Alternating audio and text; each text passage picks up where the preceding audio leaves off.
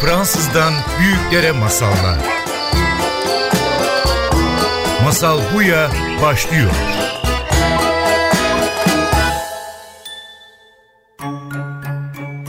Hoş geldiniz. Masal Buya başlıyor. Benim adım Judith ve bu haftaki konuğumuz Rehan Yıldırım, yazar ve felsefeci.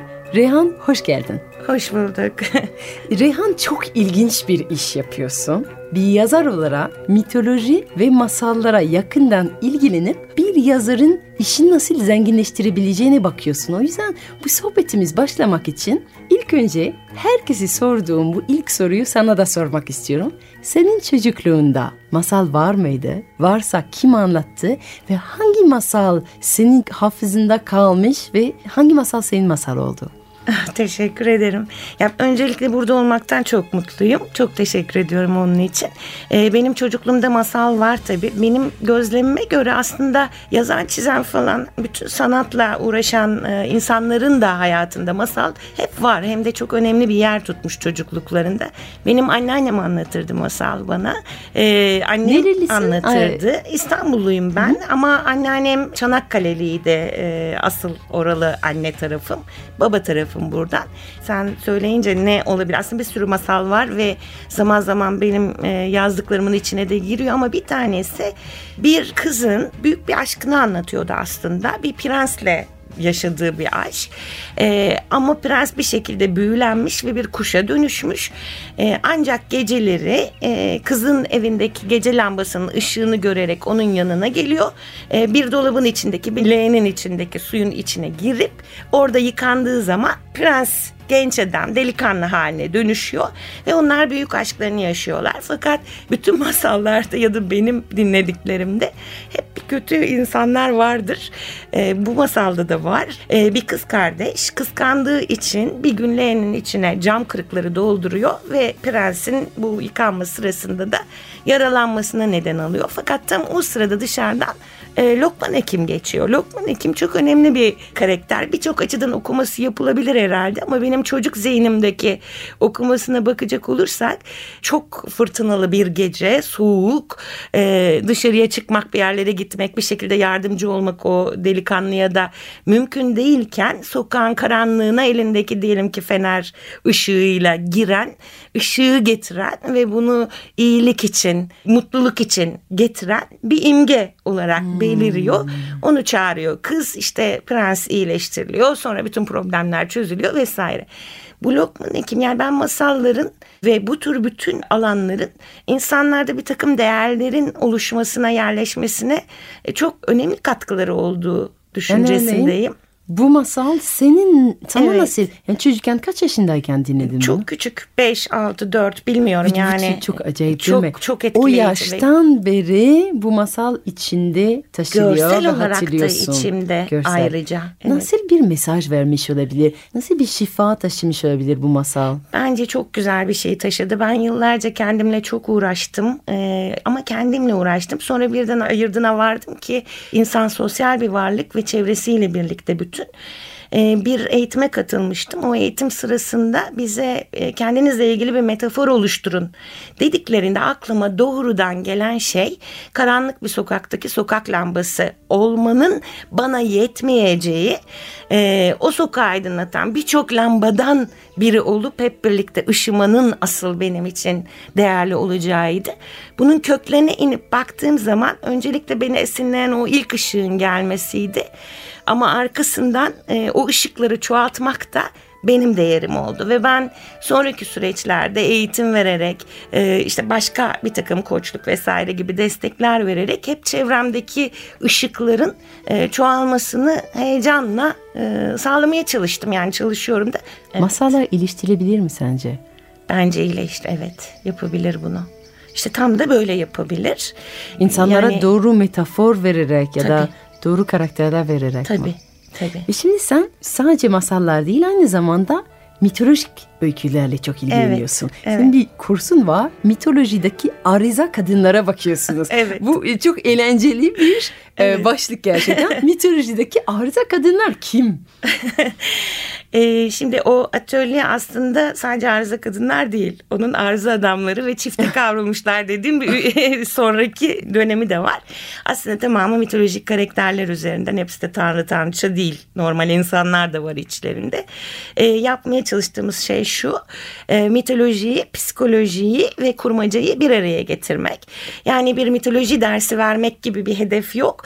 Ama o mitolojinin güzel kaynağını kullanarak e, kurmaca metinlerimizin içinde e, derinleşebilmek, e, güzel karakterler e, yaratabilmek vesaire. Ve sence mitoloji iyi bilmek bir yazar için önemli bir şey mi? Çok. Yani çok. Nasıl yardım ediyor yazara? Ee, şimdi şöyle düşünüyorum e, Judith'ciğim. Jung'un bir sözü vardı. Mitolojiyi biliyorsanız e, insanın ruhuna açılan kapıdan da girebilirsiniz mealen diyen bir söz. E, mitoloji aslında birçok arketip diyebileceğim ama donuk olmayan mitoloji hmm. olduğu için senden bana benden başkasına geçerken değişe değişe donuk olmayan arketipleri içeren bir alan biliyorsun. Ve bunlar bir şekilde bizim metinlerimizin içine metafor olarak girdiğinde aslında şöyle bir etki yapıyor diye düşünüyorum. Bir an için gerçekliğimizin dışına çıkıyoruz. Kendimize e, ve yaşamakta olduğumuz dünyaya bakıyoruz. E, dünyayı ve kendi varlığımızı da aslında onlar üzerinden anlamlandırabiliyoruz. Dolayısıyla ben e, çok inanıyorum yazan, resim yapan fark etmez aslında. Herhangi bir sanatın yapan insan evet. aslında bundan çok faydalanır. Evet. Hiç Peki, yapmasa da faydalanır aslında. Sadece kendinden dışarıya çıkıp kendine ve dünyasına bakma merakı isteği olsun. Senin arıza kadınları, arıza yapan erkekleri ve çifti kavrulmuş karakterleri keşfeden insanlar, yazar adayları o mitolojiye derinleştikten sonra onların yazılar nasıl değişiyor? Sen böyle bir evet. fark görüyor musun? Yazılar derinleşiyor mu mitolojiyle karşılaşınca? Şimdi o atölyeye katılan arkadaşlarımızdan biri çok kısa bir süredir yazma e, sürecine girmişti ama yazmak birikmekle ilgili biliyorsun. Tabii ki aslında o süre kısa değildi. E, buna rağmen ben daha çok e, kendi gözlemlediklerimden ziyade onların kendi yorumlarına kulak vermeyi seçiyorum. E, çok etkin bir şekilde esinlendiklerini e, ve yazarken de e, yeni ufuklara açılabildiklerini söylüyorlar. Çünkü biz şöyle bir şey yapıyoruz orada. Bir takım mitolojik karakterler seçiyorum ben. Genellikle e, bunlar aynı zamanda insanlığa ilişkin sembolik e, nitelikler taşıdıkları için e, psikolojide de uzantıları var. Örneğin Hermafrodit diye bir e, mitolojik karakter seçtiğim zaman ben ve onlara nedir Hermafrodit mitoloji açısından işte Hermes'le Afrodit'in oğlu çok güzel bir e, genç adam. E, bir süperisi buna aşık oluyor ama o süperisine yüz vermiyor. Bir gün gölde yüzerken süperisi geliyor buna sarılıyor. İkisi bir bütün oluyorlar ve e, işte bizim bugün de tıp dünyasında da fizyolojik olarak oluşan bu durumu e, evet kişiler o kişi ondan. doğuyor orada. Aslında işte. bir tanrı evet. ve bir süperisinin bir araya geldiği, geldiği yani insan kişi. mucizesi değil mi? İnsanın var yani varlığındaki olağanüstü Tıbbın belki bir potansiyel. hastalık olarak görebileceği bir şey aslında mitoloji evet onu efsane, yarı tane büyülü bir insan olarak nitelendiriyor. Aynen öyle. Şimdi biz böyle bir hikayeyi konuştuğumuz zaman bunun psikolojik karşılığı da malum e, böyle bir çift cinsiyet durumunun yarattığı psikolojik sorunlar. Ama şöyle bir şey yapıyoruz. Biz böyle motomot oturup bunları konuşmaktan ziyade bunları hayatın içine taşımaya çalışıyoruz. Mesela o çalışmamızda biz Türkiye'de yaşanan çok acı bir olaya tanıklık ettik araştırmalarımızda. Bir delikanlı var bir yerlerde İzmit civarlarında yaşıyor. E, ve hermafrodit olarak doğuyor. Yani iki cinsel oluşumda vücudunda bir arada bulunuyor.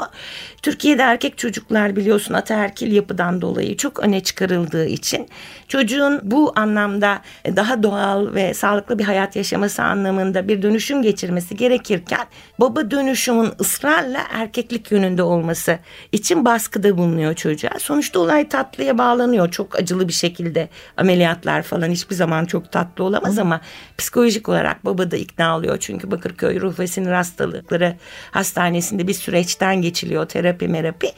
Ama toplum bu süreç içinde çocuğa son derece acımasız bir şekilde davranıyor. Yani nefret suçu dediğimiz tarzda. Şimdi bunu biz oturup masamızda konuştuğumuzda ya da işte Hestia konuşuyoruz mesela. Hestia da başka bir karakter. Ee, Hestia dediğimiz mitolojik e, karakterin asıl ilginç tarafı psikolojideki karşılığı.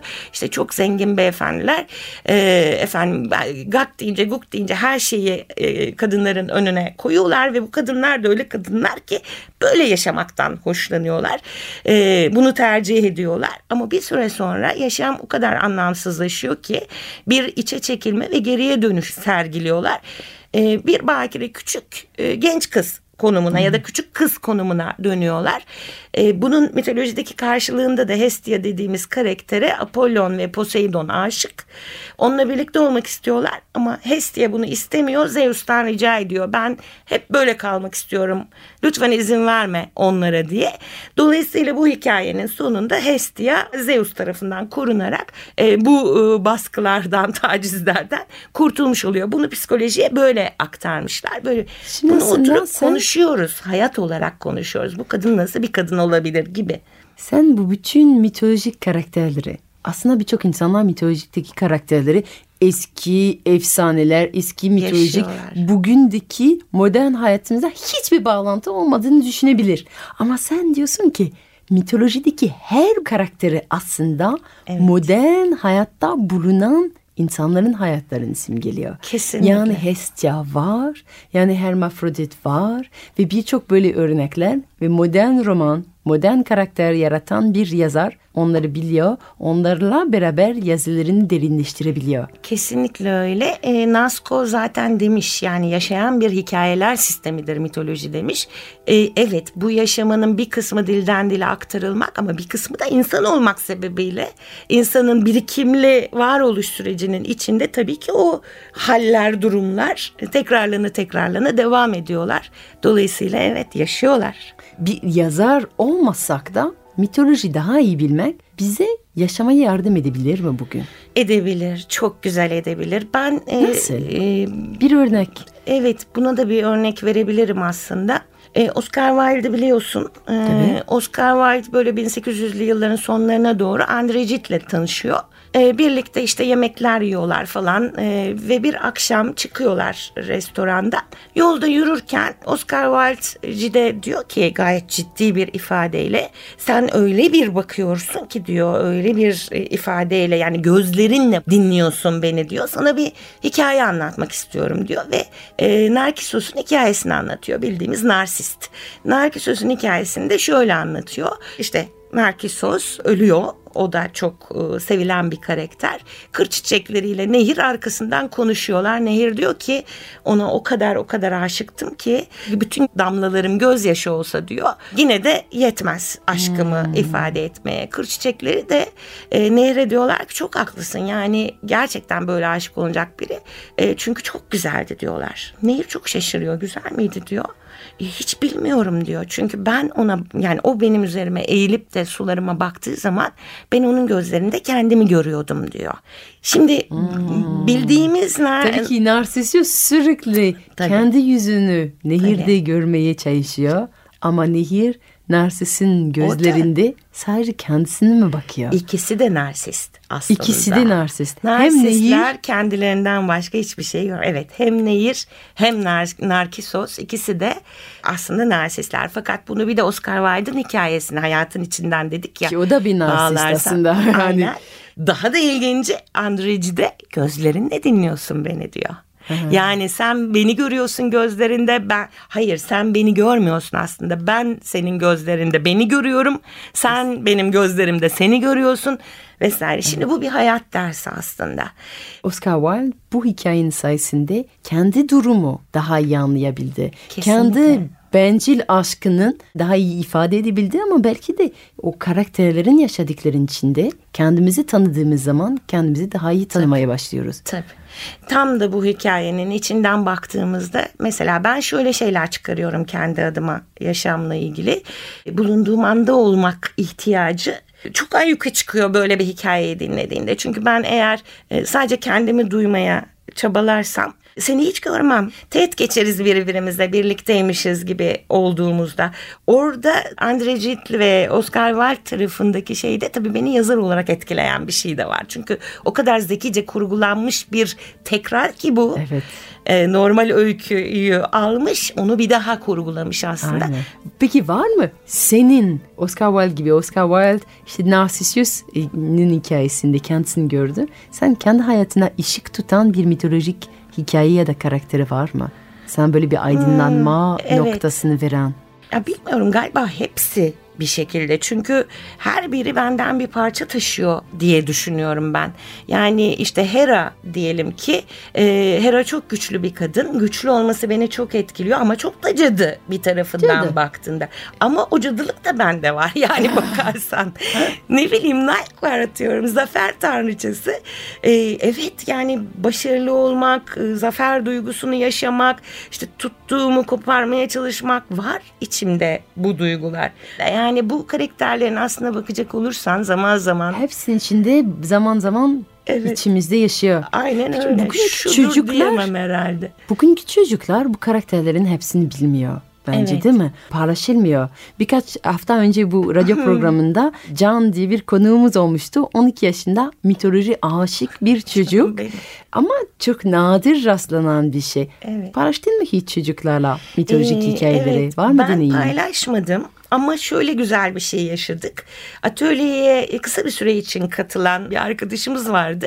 Ama onun iki tane de çok tatlı çocuğu vardı. E, herhalde bir araştırma yapmış ve çocuklar için hazırlanmış mitolojik öykülerin olduğu e, birkaç kitap bulmuş. Ve bunu kızına aldığını anlatmıştı bana. O kadar sevmiş, o kadar sevmiş ki o kitapları okula götürmüş. Okulda özel olarak bir süreç ayırmışlar. İşte bu karakterleri konuşmuşlar vesaire. Neyse mitoloji o okula girmiş bir şekilde. Demek ki hayal gücünü çok harekete geçiriyor tabii e, efsaneler. E, çünkü sınırları yok. Yani gerçeklik diyebileceğimiz işte yoldan karşıdan karşıya geçmek için şöyle yürüyeceksin diye bir şey yok. Adam ayaklarına kanatları takıyor, uçuyor gidiyor.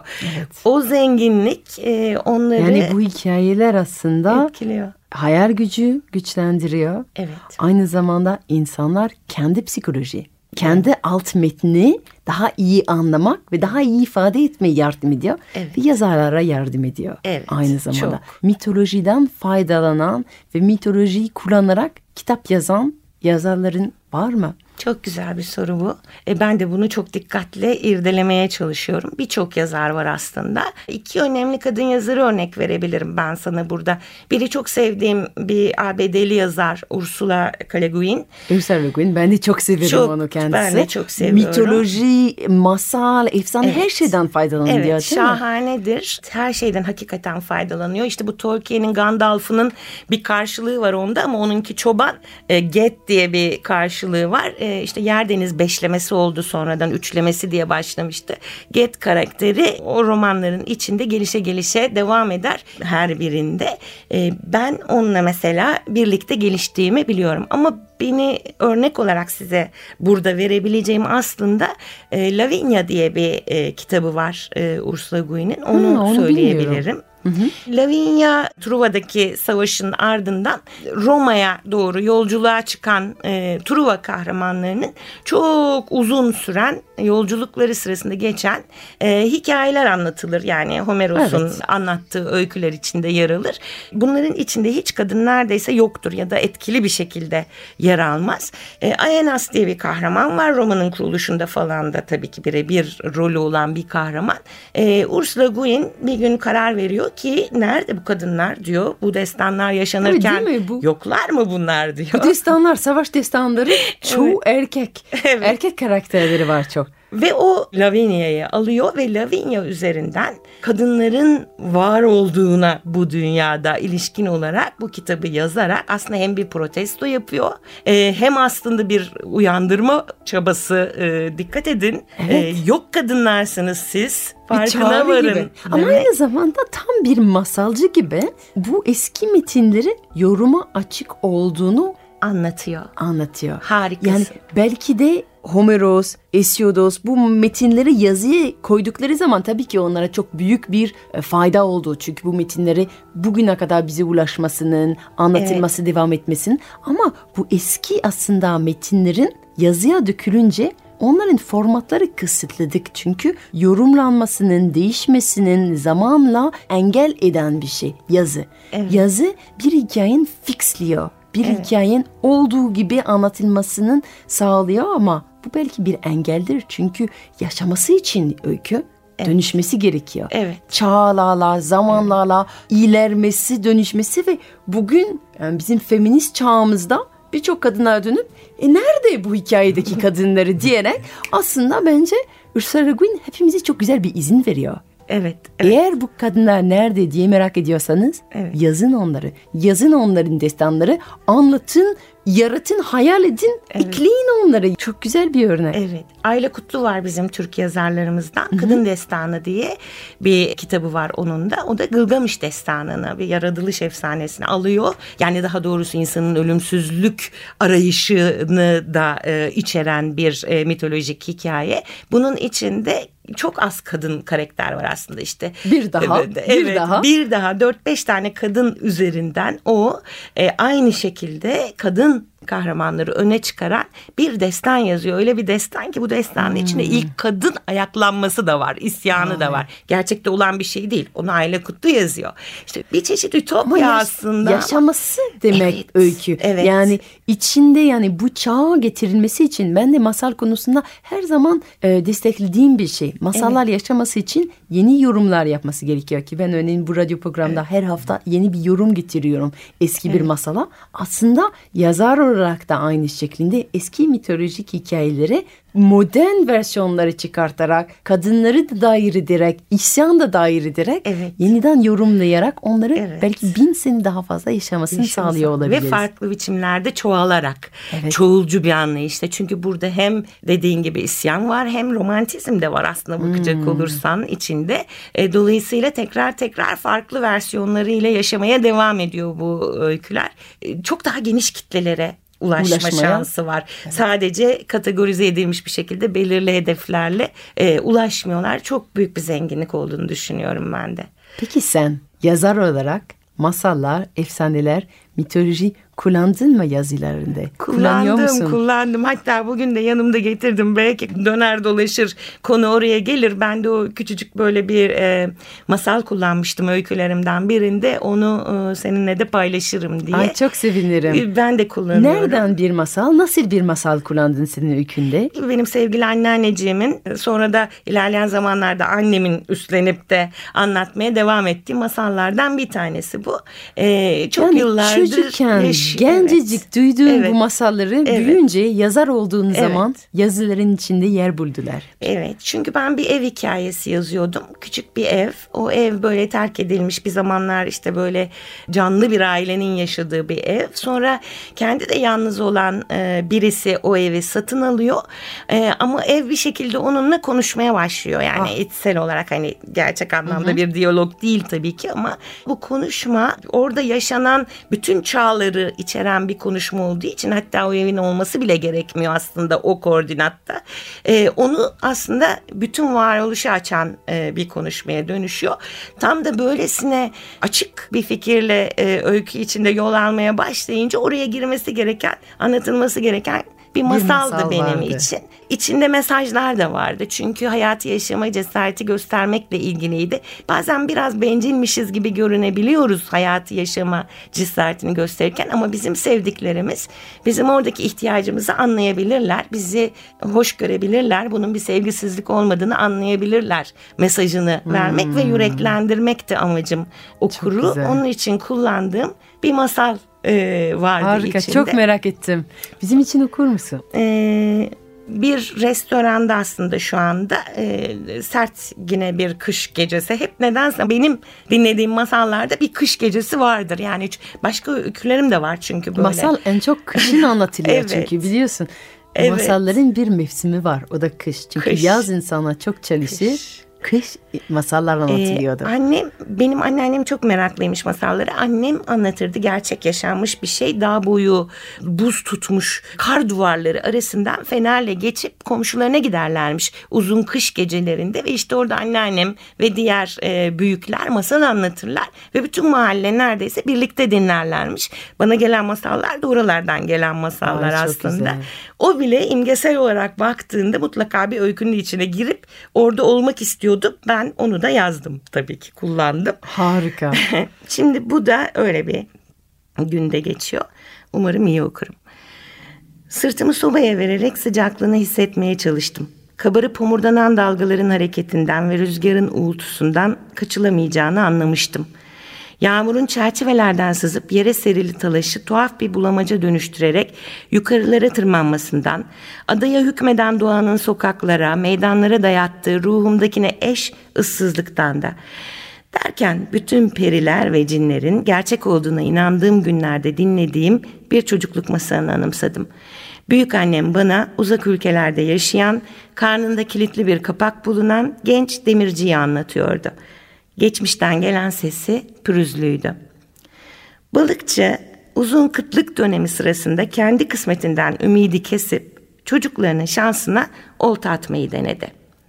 İki büyük kızının niyetine attığı oltalara balıklar dolaşınca içinden doğru bir iş yaptım diye geçirmişti. Kovada fıkırdayan balıkların sevinciyle gerilip attığı oltayı şimdi de en küçük kızının niyetine gönderecekti denize. Böylece en sevgilisinin kaderi hakkında da bir ipucu edinebilecekti. Fakat o ne? Karşısında boş olta ucunu elinde tutan bir cin belirdi. Cin ödü patlayan balıkçıyla yumuşak bir sesle konuştu. Küçük kızını koyun sonunda oturan yoksul demirciye verirse sabahın soğuk ayazında balığa çıkmasına hiç gerek kalmayacağını söyledi ona. Ama adam çocuklarını istemedikleri kimselere veremezdi. Cine teşekkür etti, nasip diyerek malzemelerini topladı, ağır kovayı taşıyarak rüzgarın fır döndüğü sokaklarda evine yürüdü. O gece olanları ailesine de anlattı. Ne ki balıkçının büyük kızları babalarının kararından hiç hoşlanmadılar. Aç gözlüydü bu kızlar. Birbirlerinin mutluluğu yerine zenginliği yeğliyorlardı. Gizlice bir plan yapıp gece yarısını beklediler. Kardeşlerini çuvala tıkıp koyun sonundaki yalçın kayaların dibinde oturan demircinin evine sürüklediler. Küçük kız kendine geldiğinde yanı başında mışıl mışıl uyuyan demirciyi görünce perişan oldu. Olup bitenleri hatırlamaya çalışıyor ama ablalarının kendisini sürüklemeye başladığı ilk dakikalardan sonrasını bir türlü anımsayamıyordu. Güzel bir yüzü vardı demircinin. Kemikli iri bir yüzdü bu. Elleri ise nasırlı ve güçlüydü. Kız uykusunda bir bebek gibi pembeleşen yanaklarını hoş buldu. Adamın pek tatlı göründüğünü düşündü. Belki de şanslıydı. Derken efendim yoksul demircinin genç ve gergin karnındaki anahtarı, anahtarın üzerinde bırakıldığı kilidin ardında yatan kapağı gördü. Ve kafasını sorular doldurdu. Başkalarına ait hiçbir şeye el sürmezdi o. Buna rağmen kendini tutamadı ve o kapağı açtı. Ah, orada gördüğü bambaşka bir dünyaydı. Korkarak kapattı. Ertesi sabah demirci ona hoş geldin deyip saçlarını sevdi ve karnına bakmaması şartıyla çok mutlu yaşayabileceklerini müjdeledi. Soğuk karanlık bir evdeydiler. Demirci davranıp ocağını yaktı. Körük karnındaki rüzgarı alevlere gönderdikçe güçlenen ateş bulunduğu köşeyi aydınlatıp ısıttı ve kıpkızıl yalımların yüzünü yaladığı demir adam kızın gözünde bir kat daha güzelleşti. Her tarafta yıldızları andıran demir tozları uçuşuyordu. Balıkçının kızı mutlu hissetti kendine. Demirciye çorba pişirdi ve gün boyunca onu seyretmeyi sürdürdü. Ancak merakını yenebilmiş değildi. Gece eşinin uyumasını bekleyen balıkçının küçük kızı kapağı yeniden açtı. Diğer dünyaya uzanan merdivenleri keşfetti. Basamaklarda bir an durup düşündü. Gerçi demirciye ihanet ettiği söylenebilirdi. Fakat adam bu yeni buluşunun heyecanını mazur görebilecek biriydi. Hiçbir şey göründüğü gibi değil demek diye mırıldanıyordu kız. Babasının evindeki sevdikleri onu hayal kırıklığına uğratmıştı. Yoksul demirci ise kollarının gücüyle harlandırdığı ateşle yüreğini ışıtan ışıl ışıl bir köşe yaratmıştı. Fakat bütün bunlardan fazlası da vardı. Yeterince cesaretli olabilirse dünyanın diğer yüzlerini de görür ve anlardı. Yüzünü görenler bir karara vardığını hissedebilirdi. Merdivenlerden inip kalabalığın arasında kaybolurken mutlu olduğunu da. Henüz bilmediği şey yapılan her seçimin bir bedeli olacağı ve bu bedelin kimi zaman kolaylıkla ödenirken kimi zaman insana ağır gelebileceğiydi. Bana sorarsan yavrum, küçük kız doğru şeyi yaptı dedi büyük anne. İyi ve çalışkan demirciyi terk ettiyse de hayatı boyunca yapacağı her seçimin sorumluluğunu alma cesareti göstermişti. Durup gözlerine bakan büyük annem düşünceliydi. Sözü bağlarken sesi yine titredi. Belki dedi cinin onu demircinin evine göndermesi de bir tesadüf değildi. Nereden bileceğiz? Bu Harika. kadar. Çok teşekkür Tabii ederim. bu bir taraftan bir yorumdu. Ee, bunun için yapılacak çok yorum var. Birinin karnını, karnındaki kapağı açmak, onun iç dünyasına ulaşmak için inanılmaz güzel bir yolculuk İlginç. başlatabilir vesaire. Ama ben kendi metnim için gerekli olan yanından e, o bağlamda masalı Harika. değerlendirdim. Rehan Yıldırım çok teşekkür ederim. Ben de çok teşekkür ederim. Çok mutlu oldum birlikte olmaktan. Ben de öyle. Teşekkürler. Masal Buya devam ediyor. Ve şimdi Masal Buya'da masal zamanı başlıyor. Bizim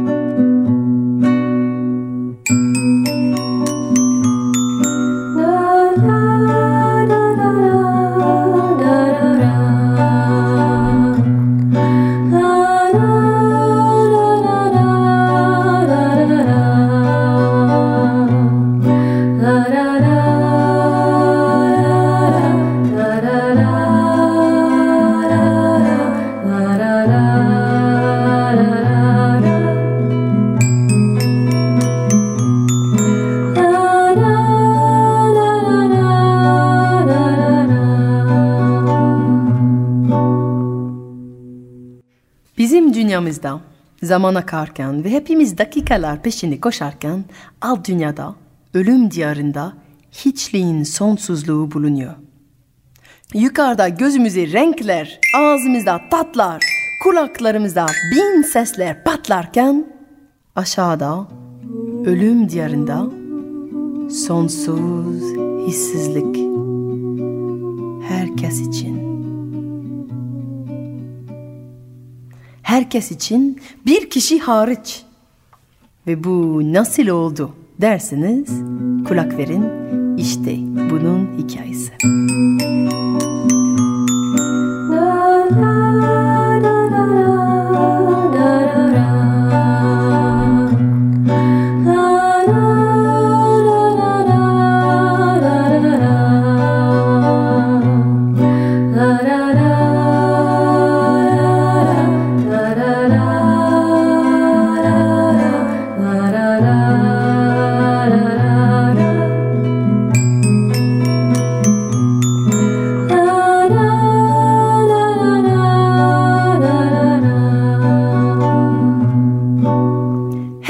Görmüştü onu tabii ki. Görmemek mümkün değildi. Gökyüzün kapatacak kadar dev bir şahinin geldiğini ve güzel aycına götürdüğünü herkes görmüştü. Ağlayan genç kızı pençelerinde hapsedip denize doğru uçtuğunu ve onu yakın bir adaya götürdüğünü herkes görmüştü. Ama babası Hasopus, Nehirlerin tanrısı onu aramaya gelince hiç kimse bir şey hatırlamıyormuş. Hiç kimse bir şey bilmiyormuş. Kimisi o saatte evde olduğunu, kimisi tarlada çalışmaktan hiç kafayı kaldırmaya vakti olmadığını iddia etti. Zaten başkalarının işlerine karışmak istemezlermiş. Herkes birbirinden korkak cevaplar verdi. Bu kadar güzel, bu kadar parlak ve dev bir kuş Zeus'tan başka biri olamazdı. Ve eski zamanlarda tanrılar insanlara çok yakın yaşasalar da Tanrılar insanların hayatlarıyla oynamaya çok severlerse de insanlar tanrıların işine karışmanın nasıl bir ceza getirebileceğini çok iyi biliyorlardı. O yüzden hiç kimse Asopus'a en ufacık bir ipucu vermedi.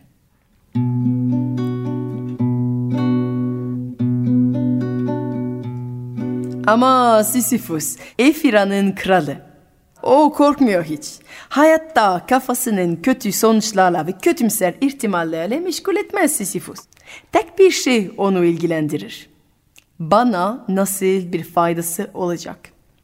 Dikildi ağlayan çaresin Asopus'un önünde. Ey Asopus! Kızını arıyorsun, ben onun nerede olduğunu biliyorum. Senin istediğin bir şeye sahibim. Ancak benim istediğim şeyi yaparsan söylerim. Derelerin tanrısısın. Başkentimizde su çok az. Başkentin tam ortasında dünyanın göbeğinden gelen ve hiç kesilmeyen bir çeşmeyi getir.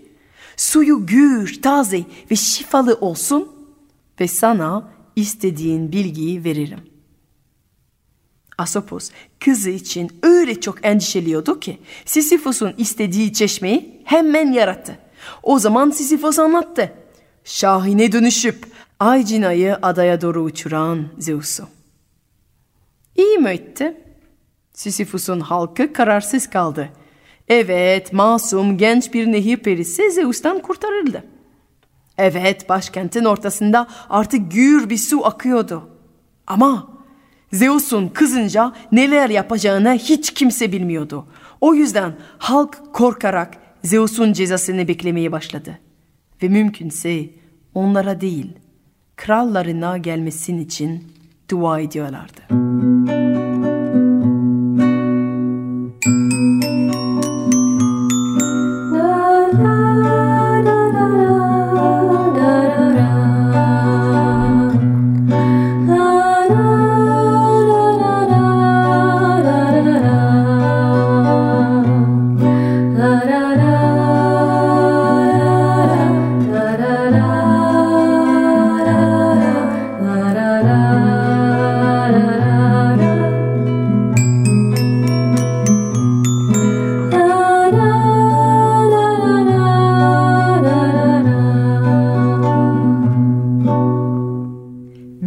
hafta sürmedi.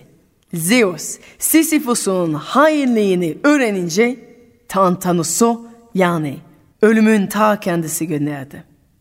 Ağır zincirlerle Sisyphos'u bağlayıp ölülerin diyarına Tartarus'a götürmesinin emretti. Sisyphos saf değil, tabii ki böyle bir ziyarete bekliyordu. Ve gelince Tantanus'u eski bir dost gibi karşıladı. Hoş geldin, buyur içeriye, gir, otur. Zeus göndermiştir seni. Bu Zeus var ya, ha, hep kendi işini başkalarına yaptırıyor değil mi? Ha? Gel gel gel otur iki dakika, dinlen. Ne acelen var? Of of, uu, ne kadar ağır zincir taşıyorsun. Hep bu kadar büyük bir ağır zincir mi taşıyorsun? Tantanos şaşırıp kaldı. Genellikle insanlar ondan korkup kaçmaya çalışıyorlardı. İlk defa bir insan ona o kadar iyi davranmıştı. Hatta bu onun gördüğü ilk insan gülümsesiydi. Ve tabii ona kandı. Birkaç dakika olsa da dinlenmeyi kabul etti ve anlatmaya başladı. Yok aslında normalde o kadar büyük zincirleri taşımıyordu. Bunların sadece bazı cezalı insanlar için olduğunu anlattı. Zincirlerin özelliği ise ancak onları kilitleyen kişinin açabilmesi. Çok özel bir kilit sistemleri vardı yani. Son tanrısal teknoloji sayılırmış. Sisyphos da oynuyordu. Aman nasıl? İnanmıyorum. Bana bunun çalışma sistemini göstermen lazım Tartarus'a gitmeden. Öyle samimi konuşuyordu ki Sisyphos ve hala dev bir gülümsemeyle. Tantanos göstermeye başladı. Kilitlerin açılma, kapatılma şeklini. O konuşurken heyecanlandı Sonuçta bu kilitler kendi tasarımı ve dünyada onların eşi benzeri yok. Hephaistos bile onların eşini yapamaz. Tantanos heyecanla anlatırken Sisyphos'un çaktırmadan onun etrafında zincirleri dolaştırdığını fark etmedi. Ve birden dönüp kendi zincirlerinde hapsedildiğini gördü. Ve ancak o an kandırıldığını anladı. Oh, yenilmez Tantanos. Korkutucu Tantanos. Ama saf Tantanos. İnsanlardan sadece ağlayan ve yalvaran yüzlerini görüp hiçbir gülümsemeyle karşılaşmamıştı. Nasıl ayırabilirdi gerçek samimiyeti sahtelikten?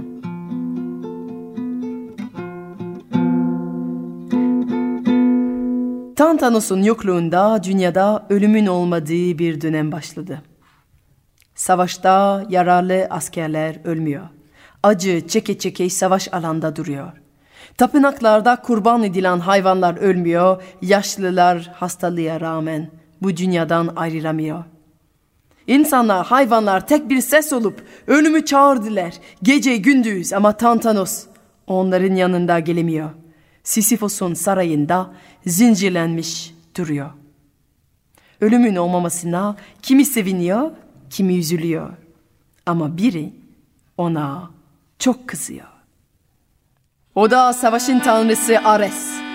Ölüm yok olunca savaşın bütün keyfi yok olmuştu. Ve Ares buna daha fazla izin veremedi. Dünyaya inip Tantanos'u özgürleştirip Sisyphos'u da ona teslim etti.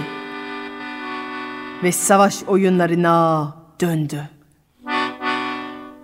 Götürürken Sisyphos karısının kulağına son bir kez fısıldayabildi. Lütfen ben gittikten sonra çıplak cesetimi bir köpek gibi sokağa at. Söylediklerimi sorgulama ve kim ne söylerse söylesin beni orada bırak. Ve karısı onu çok sevdiği için söylediklerini yaptı.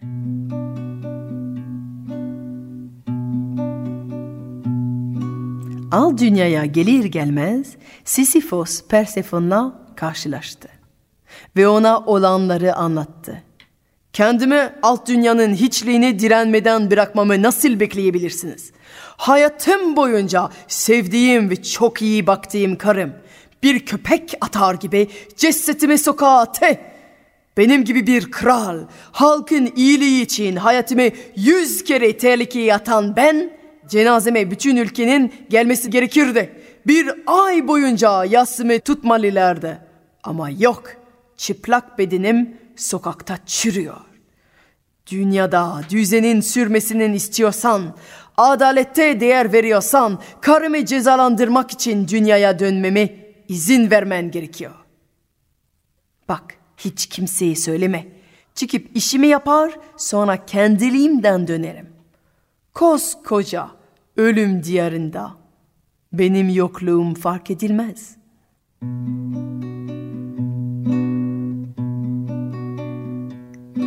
Şimdi tahmin edersiniz ki normalde ölüm diyarında Persephone her gün böyle hikayelere ve istekleri duymaya alışıktı.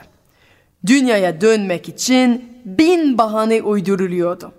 Ve normalde direnen ruhları sadece kendilerine hiçliğinin yumuşaklığına teslim olmaya davet eden Persefon bu sefer gerçekten çok üzüldü ve izin verdi.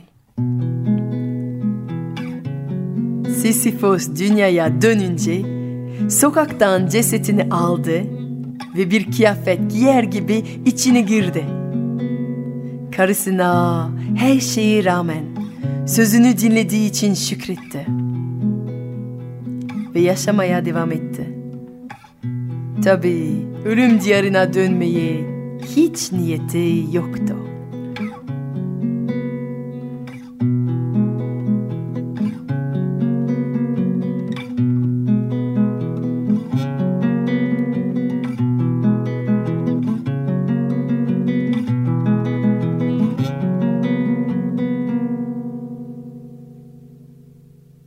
Ölüm diyarında zaman yok. Yokluğunun bir dakika mı, yüz sene mi sürdüğün fark edilemiyor.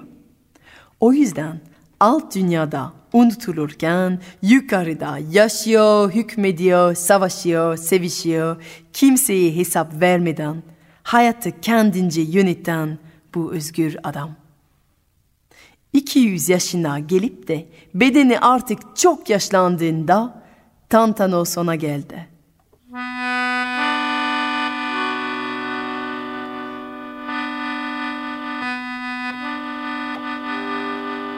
Sisyphos'un cezasından kaçmaya başardığını öğrenince Zeus bu gururlu, özgür, hep kendi kafasına göre her şey yapan adama özel bir ceza vermeye karar verdi.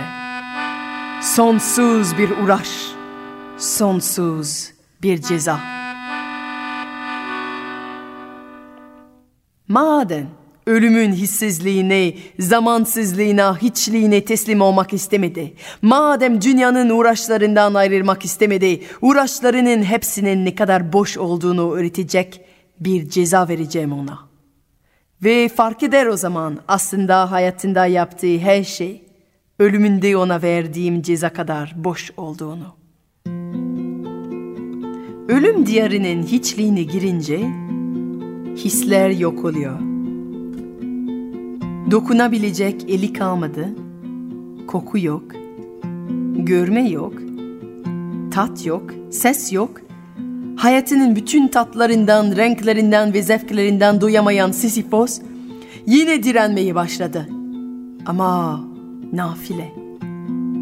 Tam hissizliğine teslim olacakken çekildiğini hissetti. Ve Zeus'un ona verdiği görev duydu. Önünde belirlenen yüksek tepenin ucuna kadar dev bir taşı itip tepenin öteki tarafında onu bırakmak.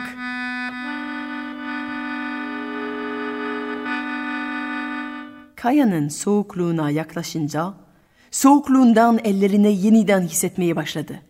Ve bütün gücüyle dev taş parçası itince hissetti. Yeniden hissetti. Acı, sertlik, soğukluk evet Hissiyat olsun da ne olursa olsun. Sisyphos hissetmek istiyor. Ve bütün gücüyle tepeden yukarıya doğru itmeye başladı bu kayayı, bu yükü. Ona kalsa bu görev hiç bitmese de olur. Tam yukarıya ulaşacakken Zeus'un büyülediği kaya ellerinden kaçıp aşağı doğru yuvarlanıp ilk başladığı yere geldi. O zaman Sisyphos anladı. Zeus'un ona verdiği görevin sonsuz olacağını ve aşağı yürüyüp yine yukarıya doğru kayayı itmeye başladı. Ceza mı? Nimet mi?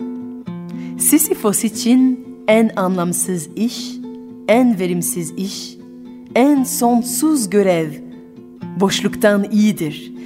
O yüzden taş tepeden aşağıya doğru yuvarlandıkça şikayet etmeden yürüyüp kayayı itmeye devam etti.